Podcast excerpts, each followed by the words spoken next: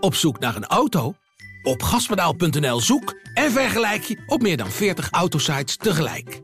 Je zoekt op de grote autoportalen en bij de autodealer om de hoek. Je hebt het grootste aanbod en maakt daarom de beste vergelijking. En zo mis je nooit meer een auto.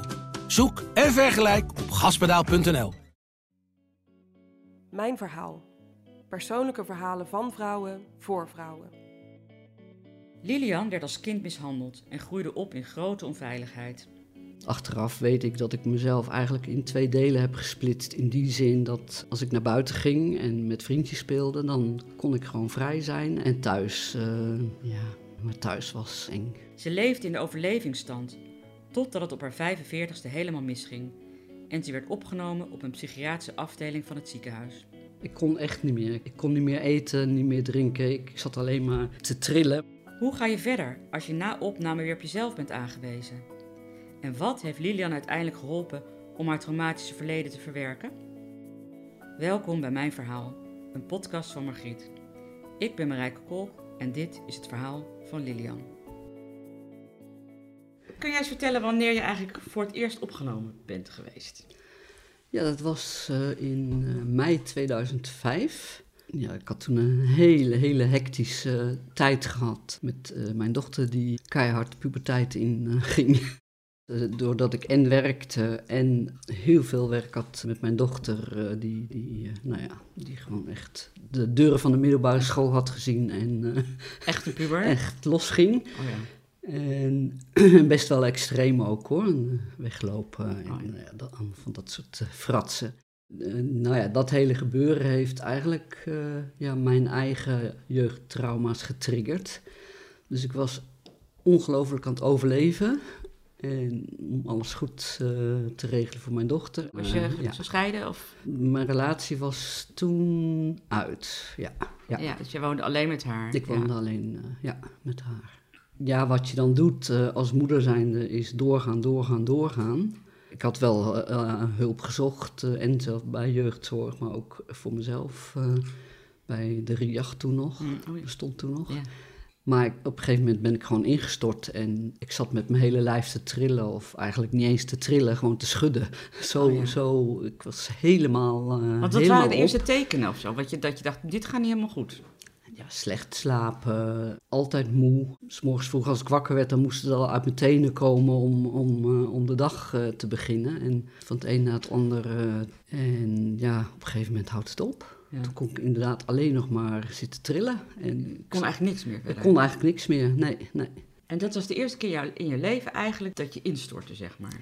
Ja, op die manier, uh, ja. Ik heb wel eens achteraf gezien, uh, wel, wel kortdurend, uh, wel eens even periodes gehad dat het gewoon helemaal niet goed ging. Maar wat ik dan nog eigenlijk wel aardig kon verbergen voor de, voor de buitenwereld. Maar nu viel het niet meer te verbergen. Ben je toen zelf hulp gaan zoeken of heeft iemand je... Toen heeft een vriendin, die, die is met mij meegegaan naar mijn afspraak bij de RIAG. En daar zei ze van, nou ja, kijk maar of het gaat uh, thuis. Maar als het niet gaat, dan uh, misschien dat je dan een paar weken naar een paasafdeling zou kunnen om tot rust te komen. En we zijn naar huis gereden en daar zei ik van, nee hoor, dat, dat ga ik niet doen. Uh, paasafdeling, hallo. Ik werkte toen niet meer in de psychiatrie, maar wel in de hulpverlening. Ik werkte als thuis begeleider voor mensen met niet aangeboren hersenletsel. Maar daar kom je ook heel veel psychiatrie Ja. tegen. Dus ja, ik, zat in het werkveld, zeg maar. En, Ja. eh, echt niet. Toen zijn we weer naar huis gegaan en ik zat op de bank thuis. En, en nou ja, ik, mijn lijf begon te schudden en, en het hield niet meer op. En eigenlijk diezelfde dag heb ik tegen mijn vriendin gezegd van nou, bel maar dan. En eh, dan moet ik maar naar die moet paas. maar, Naar die- naar die paas. Ja, want je had geen andere uitweg, denk ik Nee, dan, als nee, je zo ik, ik, voelt. nee, eh, nee, ik kon echt niet meer. Ik kon niet meer eten, niet meer drinken. Ik, ik zat alleen maar te trillen, maar eigenlijk gewoon zo te schudden, weet je Ja. met mijn hele lijf. eh. En jouw dochter, hoe reageerde die? Dat weet ik eigenlijk niet meer. Nee? Ik denk dat dat langs me heen is Ja. gegaan. Want die woonde wel woonde nee. bij jou. Ehm, nou, nee, dat is een van de redenen waarom het zo eh, misging. Zij was op een gegeven moment zo dusdanig losgeslagen dat zij is weggelopen. In overleg met jeugdzorg hebben we haar toen voor de keuze gesteld van... Nou, meid, kom gewoon lekker thuis, maar dan zijn er een aantal regels natuurlijk. Je gaat naar school en je bent zo en zo laat thuis. En, En als je dat niet kan uh, beloven, dan, uh, dan moeten we een andere oplossing gaan vinden. Ja, wat dan uh, die oplossing was? Nou, naar een, een, een crisisplek ja. in binnen jeugdzorg. En dat is toen gebeurd. Eigenlijk op het moment dat zij weer wat tot rust begon te komen en, en we eigenlijk weer aan toewerken waren naar dat zij weer naar huis zou komen. Dat was eigenlijk het moment voor mij om, om in te storten. Dat zij zo puberde, zeg maar, wat je net Mhm. vertelde. Wat triggerde dat in jou? We hadden altijd een hele goede band gehad en we zijn veel met z'n tweeën geweest. En ik heb altijd wel gedacht van, oeh, jij moet van goede huizen komen, wil jij je los gaan maken van mij? En toen dat inderdaad gebeurde, triggerde dat bij mij de trauma's die ik heb opgelopen met mijn moeder. Eigenlijk kwam het erop neer dat mijn dochter zei van ja, ik heb jou niet meer nodig als moeder. Ik ben nu groot, zoals 13, 14. En toen dat gebeurde, uh, ja, triggerde dat uh, de enorme trauma's ja, die ik zelf die jij heb. hebt. En kun je er iets Ja. over vertellen? En was dat dan ook rond die leeftijd? Er is rond die leeftijd heel veel gebeurd, maar eigenlijk beginnen mijn trauma's al, ja, ik denk al als, als baby of peuter in ieder geval. Ik ben opgegroeid in een gezin van twee ouders en twee zussen, maar wel met ouders die beide erg getraumatiseerd waren. Mijn vader die zijn eigen moeder verloor toen hij drie maanden oud was. En uh, ze hebben allebei de oorlog meegemaakt. En in het gezin van mijn moeder uh, speelde een heleboel ellende, ook op psychiatrisch gebied. Mijn oma die was uh, zwaar depressief in lange periodes van haar leven. Een zus van mijn moeder die, ja, die heeft ongeveer alle psychiatrische diagnoses gehad die er maar bestonden in die tijd. Dus ja, twee uh, mensen die heel erg hun best deden op hun manier, maar ja, totaal geen emotionele Nee. stabiliteit hadden. Nee. Ja, en op de een of andere manier was ik uh, al hè, van een vrij jongs af aan het zwarte schaap binnen het gezin. Daarbij gedroeg mijn moeder zich behoorlijk grensoverschrijdend en heeft mij ook seksueel misbruikt, al op, op jonge leeftijd. En mijn vader, een man met een uh, lage frustratietolerantie, laat ik het maar zo Mm. zeggen. En uh, die had nogal losse handen. En uh, ja, een heel onveilig uh, gezinssituatie. En achteraf weet ik dat ik mezelf eigenlijk in twee delen heb gesplitst. In die zin dat als ik naar buiten ging en met vriendjes speelde, dan kon ik gewoon vrij zijn. En dan was ik volgens mij ook best wel een redelijk vrolijk, uh, spelend, ondernemend kind. En thuis, uh, ja, het liefst was ik niet thuis. Het liefst ging ik gewoon naar school en, en ik was altijd bezig om naar buiten te gaan, buiten spelen. Maar thuis was, uh, was eng. Mijn streven met mijn, mijn, eigen dochter is altijd geweest dat zij zich gewenst zou voelen, geliefd zou voelen, dat ze, van, dat ze mocht zijn wie ze was. Uh, en, en ik heb wel altijd de angst gehad van, oh, stel je toch voor dat mijn kind hetzelfde over mij gaat denken als ik over mijn ouders. Ja. En nou ja, met name dan mijn moeder natuurlijk. Ja. En op dat ja, moment gebeurde dat. En gebeurde dat op het moment dat ik al waarschijnlijk, nou ja, tegen een burn-out zat of zo. Of, of in ieder geval, ik liep altijd wel op mijn tenen. Dus eigenlijk had je tot je 45, had je al die trauma's met je meegezult, zeg maar. En een soort bedekt. Ja. En dan ineens kwam het er dus op je 45ste uit. Ja, kijk, ik, natuurlijk wist ik, ik wist het wel. En, en ik was al eerder ook in therapie gegaan. En, en, maar dat was altijd, ja, altijd bedekkend geweest. En, en uh, niet over de ergste trauma's gaan praten of over de ergste dingen die ik mee had gemaakt. Nee, dat, dat, dat niet. Nee, nee, te dat eng niet. ook. Als je als, als jong kind al binnen een gezin met name dan zo getraumatiseerd wordt, dan denk je altijd dat het aan jezelf ligt. Dus ik was eigenlijk mijn hele leven bezig om te bewijzen dat ik echt wel een goed mens was en dat ik het echt wel kon. Toen ben je dus uiteindelijk toch naar die paas gegaan. Ja, ja. Hoe voelde dat toen je daar kwam? Was dat een soort opluchting van nu wordt er voor mij gezorgd of juist helemaal niet? Ik weet nog één, dat er één verpleegkundige was bij het, bij het intakegesprek en uh, die zei van, nou, uh, ik ga even koffie halen, want uh, toen zei ze iets van, ja, want voor de inwendige mens moet er ook gezorgd worden. Iets heel simpels. En dat gaf mij een gevoel van veiligheid, van, oh, dat is in ieder geval een beetje normaal, want ik was echt bang. Zo van, ja, maar ik wil niet tussen de gekken zitten. Te, en, en ik vind het vreselijk dat ik dat zeg, want ik werkte, heb zelf binnen de psychiatrie gewerkt. En toch denk je van ja, nee, maar dat gaat mij niet overkomen. Ja, maar het stigma staat er toch nog Het- steeds. Is heel wat even van ja. over. Ja. Het is nog steeds zo. Als je, als je zegt, ik heb op een paas gezeten of ik heb in een kliniek gezeten, eh, dan is het toch woe. Bij veel mensen toch wel. Ja, dat, ja, eh, ja, ja. ja. Terwijl ik vaker in een, in, een, in een gewoon ziekenhuis heb gelegen, geopereerd ben geweest en dergelijke. Ja, daar heeft niemand het Nee, over. Dan, nee. krijg, je, dan krijg je duizend kaartjes en bezoekjes. En, en vervolgens word je op een baas opgenomen en Ja.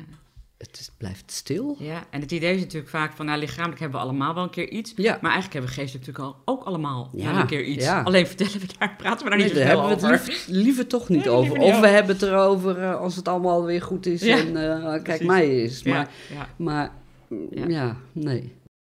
Hoe, gaat ik- ziet zo'n dag daaruit? Een dag op de paas. Ik weet het niet meer precies. Om acht uur eh, met z'n allen aan het ontbijt eh behoort te zitten. En daarna heb je een dagopening. Waarbij iedereen mag vertellen hoe hij geslapen heeft. En wat hij van plan is die dag te gaan doen. Nou, ja, dat, dat wordt al helemaal natuurlijk voor je voorgekoud. En ehm, ik moet zeggen dat dat voor mij toen oké was hoor. Omdat ik, ik, ik was zo op en, en zo depressief maar ook, ook lichamelijk eh, zo op, eh, dat ik het wel even prima vond dat, dat er bepaald werd dat ik om acht uur moest ontbijten en, eh, en om tien uur Ja. koffie kon drinken. Dus het is ook niet allemaal negatief. De structuur en de veiligheid en, en, en de rust om even niet te hoeven. Voor mij was dat heel, heel, heel fijn. Schaam je ervoor? Ik schaamde me vreselijk, ja. Weet je, ten eerste ben ik zelf opgeleid als psychiatrisch verpleegkundige en heb ook als zodanig gewerkt. Dus dat was al, oh, nu sta ik ineens aan de andere kant. En daarbij, mijn moeder die had vroeger eh, nogal eens de neiging, als ik het volgens haar te bon maakte, eh, om te dreigen van, eh, ja, en als je nou niet gaat luisteren, dan stuur ik je naar het gesticht.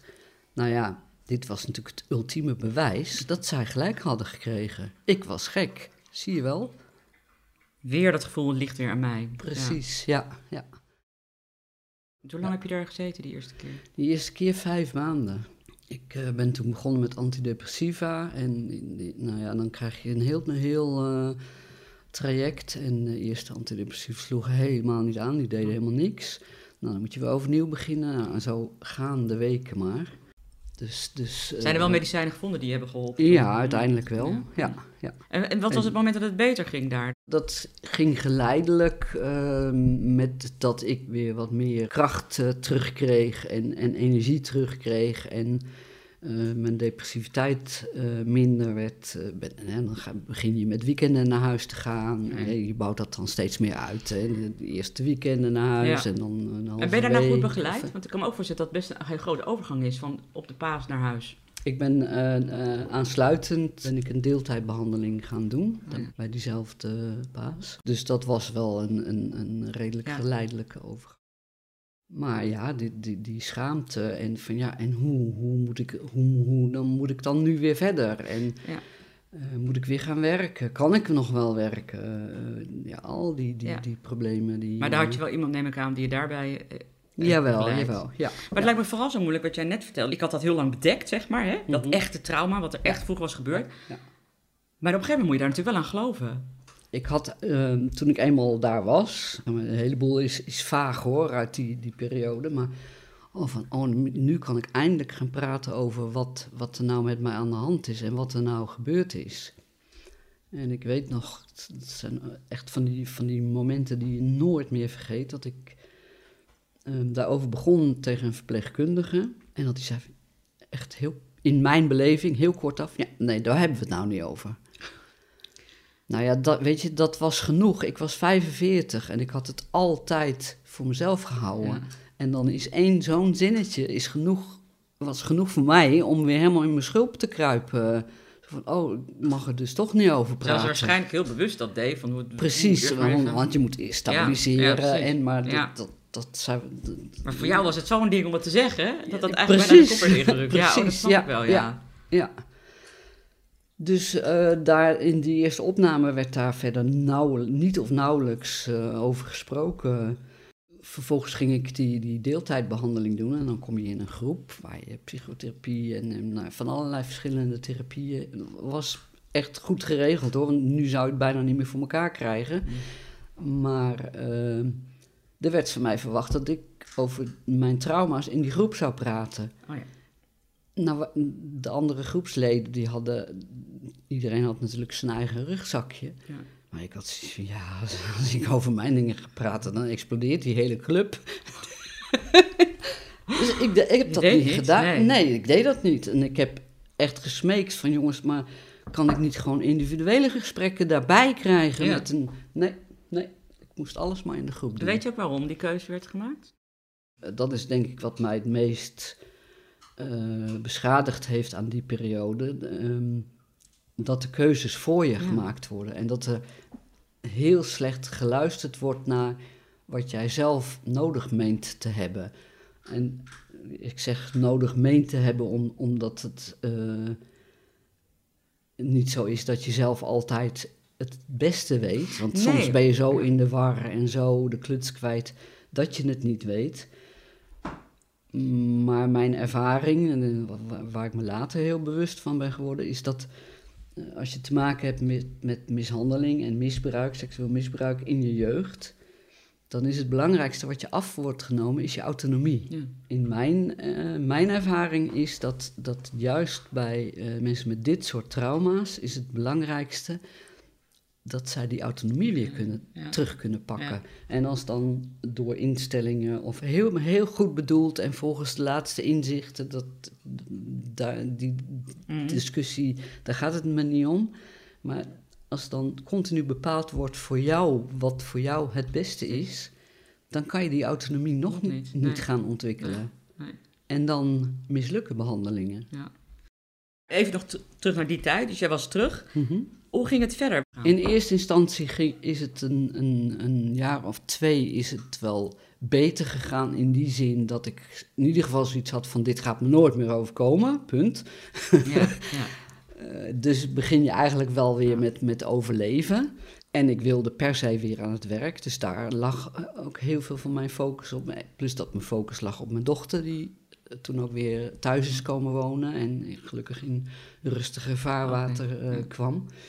Maar ik bleef nog steeds heel regelmatig behoorlijk depressief zijn. Eh, eh, ik had veel dissociatieve klachten. Ik was echt tijd kwijt. En dan had ik weer boeken gekocht. Of, en geen idee waar ik mee bezig was. Of ik zat in de auto en ik was ineens in een plaats en eh, dat ik dacht van wat doe ik hier? Hoe ben ik hier gekomen?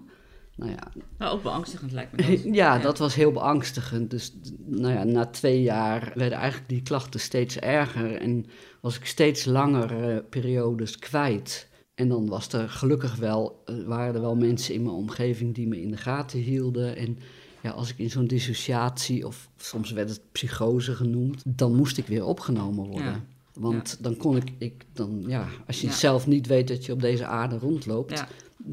dan, kan je niet functioneren. Toen ben je nog een keer opgenomen geweest, hè?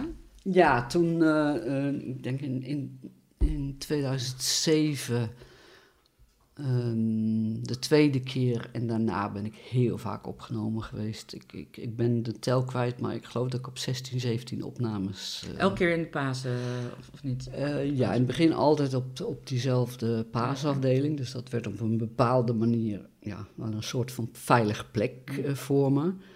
Ehm, maar qua behandeling gebeurde er niet veel, omdat de visie toen was van ja, we gaan niet aan jouw trauma's zitten te peuteren, want dan word jij psychotisch. Ik kwam continu terug en dan kreeg ik weer een of andere cognitieve therapie aangeboden. Of, en ze probeerden wel van alles, maar het, werd eigenlijk alleen maar erger. En ik, ik weet dat er een moment was dat ik daar op de gang in, in, op die paasafdeling echt heb nou bijna staan schreeuwen. Van, als, als jullie me nou nog één keer naar een of andere cognitieve therapie sturen, dan gil ik de hele boel hier bij elkaar. Ik word psychotisch omdat ik continu die, die trauma's maar onder de deksel moet Ja. houden. Daar word ik psychotisch Maar van. vaak is het ook EMDR wat, het, wat de behandeling dan is. Precies, toen is me uiteindelijk EMDR aangeboden, maar wel bij de senior eh, psychotherapeut van de Paas. Nou, dat, dat is een, een geluksgreep geweest voor mij. Ten eerste was dat inderdaad een hele ervaren psychotherapeut. Eigenlijk de eerste die heel goed keek naar wat ik nou nodig had. Dus we deden EMDR, maar er waren ook momenten, ik kwam daar wekelijks, dat dat, dat, dat niet lukte. En dan hadden we gesprekken. En hij, hij heeft ongetwijfeld heel veel verschillende therapievormen toegepast, maar afgestemd op wat ik nodig had. En dan gaf hij je ook die autonomie waar je het net over had? Ja, dat was eh, voor mij eh, de, de eerste stap naar heling. eh. En uiteindelijk heb ik best wel ve- heel veel verteld bij hem, omdat dat voor mij ook eh, ja, een, een, een deel van, van eh, het verwerken was. Eindelijk een keer kunnen delen wat er allemaal zich in mijn hoofd en mijn lijf eh, afspeelde. Maar denk je dat hij EMDR eerder had gekund? Ja, ik, had, ik, ik vind dat dat eerder Ja. had gekund. Niet, niet gelijk die eerste opname, want ja, dan ben je alleen maar gesloopt en, en down en out. Ja, ja. Maar wel, zeker wel, eh, wel, eh, wel Ja, eerder. ja. Ja. Ik ben uiteindelijk ehm, via de, die paasafdeling ben ik nog eh, op een, in een gewoon algemeen eh, psychiatrisch ziekenhuis opgenomen geweest. En uiteindelijk nog met het UMC in, in Utrecht. Een, een gesloten afdeling, was wel vrijwillig. Maar... En eigenlijk via die twee routes ehm, ja, toen heb ik ervaren dat er echt naar mij geluisterd is. Ik woonde namelijk nog steeds in hetzelfde dorp als waar mijn ouders en mijn hele netwerk van vroeger eh, eh, woonden. En werd dus continu getriggerd. En ik had zoiets van, ik moet hier weg, ik moet hier weg. Maar ja, de woningnood is nu verschrikkelijk, maar was toen ook al een heel groot probleem. En uiteindelijk toen ik eh, in een ander ziekenhuis dus eh, terecht kwam, toen was er een maatschappelijk werkster van, die echt aan mij vroeg van, ja, maar wat, wil je dan en wat heb je nodig? Ik zei, nou, ik heb een urgentieverklaring nodig ergens, om weg te kunnen uit dit, dit dorp. En de ja. continue Ja. confrontatie, eh, eh, ook met mijn ouders die nog leefden. Dus en dat, dat is toen gebeurd, dat is gelukt. Ik heb een, een woning in een andere plaats gekregen. Ik wil autonoom zijn en ik wil beslissen wie mij Hmm. kan begeleiden en wie er in mijn huis komt. Want ik had toen al wel zoiets van ja, ik ben nu zo ver van huis, zeg maar. Ja, Eh, dat ik, ik heb wel echt ondersteuning nodig Ja. thuis. Toen is er eh, via dat eh, persoonsgebonden budget iemand ingehuurd die mij thuisbegeleiding is gaan geven. En zij werkte volgens de methode opstellingen van het verlangen heette toen nog, tegenwoordig IZR. ja. Nou, in eerste instantie had ik zoiets van ja, de groeten. We doen thuisbegeleiding, maar ik ga hier nog eens ook nog met mijn trauma's aan de slag. En dat heeft mij zoveel gebracht. Dat heeft mij het inzicht gegeven van, hé, hey, wat is er nou gebeurd toen al die nare dingen eh, plaatsvonden in mijn jeugd? En wat heeft dat in mijn hersenpan gedaan? IZR staat voor interactieve zelfresonantie, hè? Ja, Kun je, ja. kun je er iets, iets over die uitleggen waarom dat zo heet? Ehm, ja, eh, nou ja, interactief is om, omdat je met meerdere eh, personen tegelijk aan het werk gaat. Bij hen is het zo dat je, je formuleert een verlangen of een vraag, of, ehm, en dat kan van alles zijn. Ik heb ooit één keer een opstelling gehad, ehm, ik wil mijn vork terug. Nou, dan zou je denken, dat slaat helemaal nergens op, maar die vork, dat betekende iets voor mij. Maar waar stond die voor Dus- voor jou dus- voor? Kun je daar iets over vertellen? Ja, dat was een, eh, iets wat ik gevonden had als eh, kind. En die heb ik altijd bewaard. En die vork heb ik waarschijnlijk in een dissociatie weggegooid. En daar was ik zo boos over, want dat was echt een belangrijk Want dat was eh, het voorwerp voor mij. dat was jouw, Ja, ja, jouw ja, ding. Ja. Ja, dus toen, toen eh, kwam ik bij, bij Interflexie en ik zei, nou, ik weet mijn verlangen, ik wil mijn vork terug. Maar niemand van hun wist waar, die, waar dat over ging. Nee, maar voor jou, ja, ja. Nou, wat er dan gebeurt in zo'n resonantieproces is, je schrijft die zin schrijf je op en dan vraag je een persoon eh, om te gaan resoneren op een van die woorden. Dus vork. Eh, diegene die, die geeft je een plek in de ruimte. En ja, wat er dan gebeurt, dat is eigenlijk nog steeds niet helemaal duidelijk, maar het heeft te maken met spiegelneuronen in, in je hersenen. En is vergelijkbaar dat als je in de trein gaat zitten, je gaat naast iemand zitten en je hebt gelijk intuïtief weet je van, oeh, Mhm. dit voelt niet goed. Ik, eh, weet je, dan Ja. heb je de neiging om al opzij te gaan Mhm. schuiven. Of je denkt van, oh leuk, Ja. en eh, nou mooi weer, hè, en eh, ja, waar ga je naartoe? En dat is eigenlijk resoneren. ja.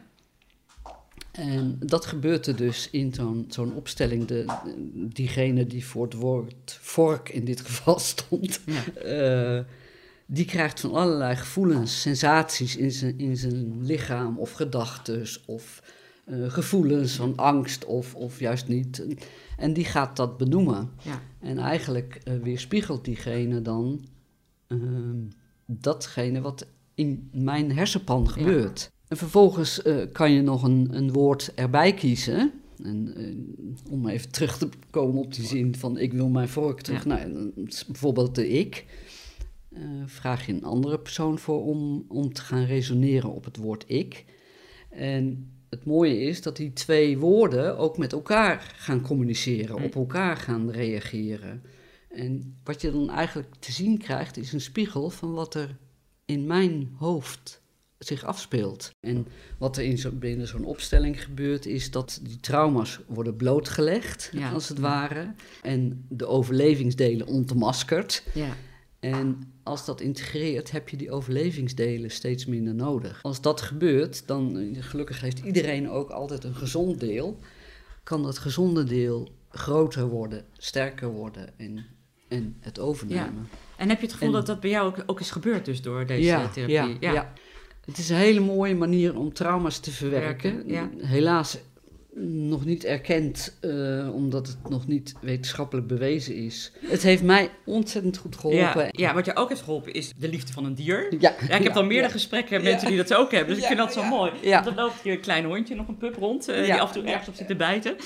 Kan je uitleggen wat dat ook heeft toegevoegd? Of moet ik het niet zo zien dat het iets heeft toegevoegd? Ja, zeker wel. Nou, is dat altijd een hulpbron geweest voor mij. Gelukkig waren er bij ons thuis altijd dieren. In jouw jeugd eigenlijk ook al? Een, In mijn jeugd was dat altijd al een, een enorme steun. Mijn vorige hond, die nog niet zo lang geleden is overleden, die heb ik zelf met behulp van een, een fokker en een trainer uh, ja, opgeleid tot een soort van amateur PTSS-hond. Ja. Dat is inderdaad gelukt om die uh, op te leiden tot, tot hulphond. En wat die dan deed was, nou, als ik dissocieerde, dan ging hij mijn hele gezicht aflikken. Of hij ging hoog blaffen en, en tegen me opspringen of tegen me aankruipen. En dan Bijzonder, ging die ja. net zo lang door tot ik weer uh, Terug rustig was, en weer uit mijn dissociatie Ja. kwam. Prachtig Die- toch? Hè? Ja, ja, bijzonder. Heel bijzonder. Hele bijzonder hond, Ja. En uiteindelijk eh, is ook, eh, de- toen ik als ervaringswerker ging werken in, eh, in de praktijk, ging zij gewoon mee. Zij ging altijd overal mee naartoe. En toen bleek dat zij ook binnen de opstellingen mee ging doen. En wat ze dan deed was eh, met name eh, op het moment dat een, een, een opstelling of een, een, resonantieproces tot de kern kwam, Mhm. dan had ze weer haar hoog blafje. En dan kon, kon ze in een andere kamer liggen met een muur ertussen, want ze werd toen al wat ouder en eh, ik moest haar soms ontzien. En dan nog deed ze het. Bijzonder. En altijd als, als het proces bij de kern kwam. Ongelooflijk, Ja, hè? Die, echt, eh, echt. Ja, ik kan, Ja. ik mis haar hoor. Ik kan ik, ja, bijna is- tranen in mijn ogen krijgen. Ja, maar ze heeft zoveel voor jou gedaan. Ik heb het toen ook gezien. Dat ik ontzettend lief, eh, lief eh, ja. Dit klinkt wel alsof de laatste jaren of de laatste periode best heel goed met je gaat. Ja. Is dat zo? Ja, wat ik al eerder zei, ik heb, geloof ik dat ik iets van 16, 17 opnames heb gehad. En dat kan van een paar dagen zijn hoor. Eh, Dat was niet altijd zo lang. Maar vanaf 2016 niet meer. En ja, het gaat eigenlijk eh, heel goed met me. Ja, je woont hier fijn, zit nu in jouw huis, Ja, een lieve pup rondlopen. En je hebt, wat ik toch ook een hele mooi iets vind, vorig jaar een hele mooie dichtbundel uitgegeven ja. met de mooie toepasselijke titel Wanneer voelen voor een kind gevaarlijk is. Ja. En ik kan me voorstellen dat het bijna een soort afronding is van een periode dat je dit hebt kunnen doen. Ja. En is die poëzie ook een enorme uitlaatklep voor je geweest? Was dat altijd eigenlijk al zo of is dat de laatste jaren zo geweest? Nee, nee, dat is eigenlijk van, vanaf mijn puberteit eh, ben ik gedichten gaan schrijven. Wat veilig had moeten zijn, buigt zich groot en donker over haar lijfje heen. Verandert in een monster. Verwrongen grijns, heel vaag in beeld. Wat veiligheid had moeten bieden, symbool van liefde door eeuwen heen, verandert het lichaam van haar dreumes tot explosie van binnendringend geweld. In deze fractie van toen die tijd bepaalt zij dat leven wordt gesmoord, nog voor het kind van leven weet.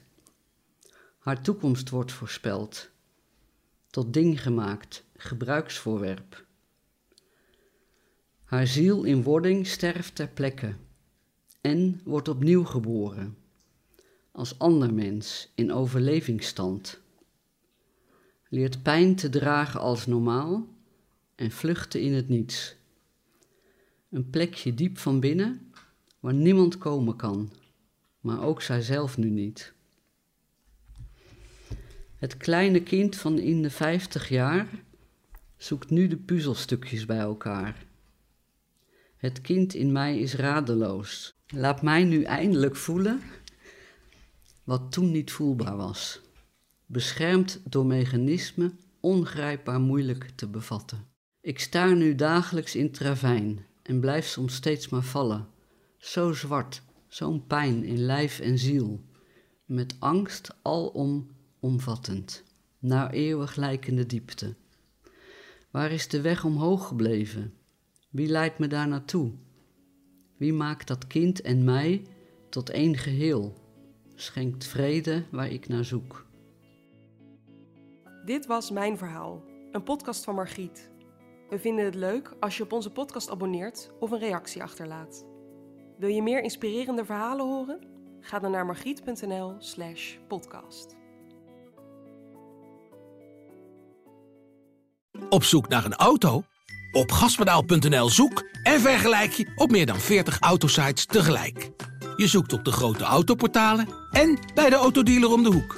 Je hebt het grootste aanbod en maakt daarom de beste vergelijking. En zo mis je nooit meer een auto. Zoek en vergelijk op gaspedaal.nl.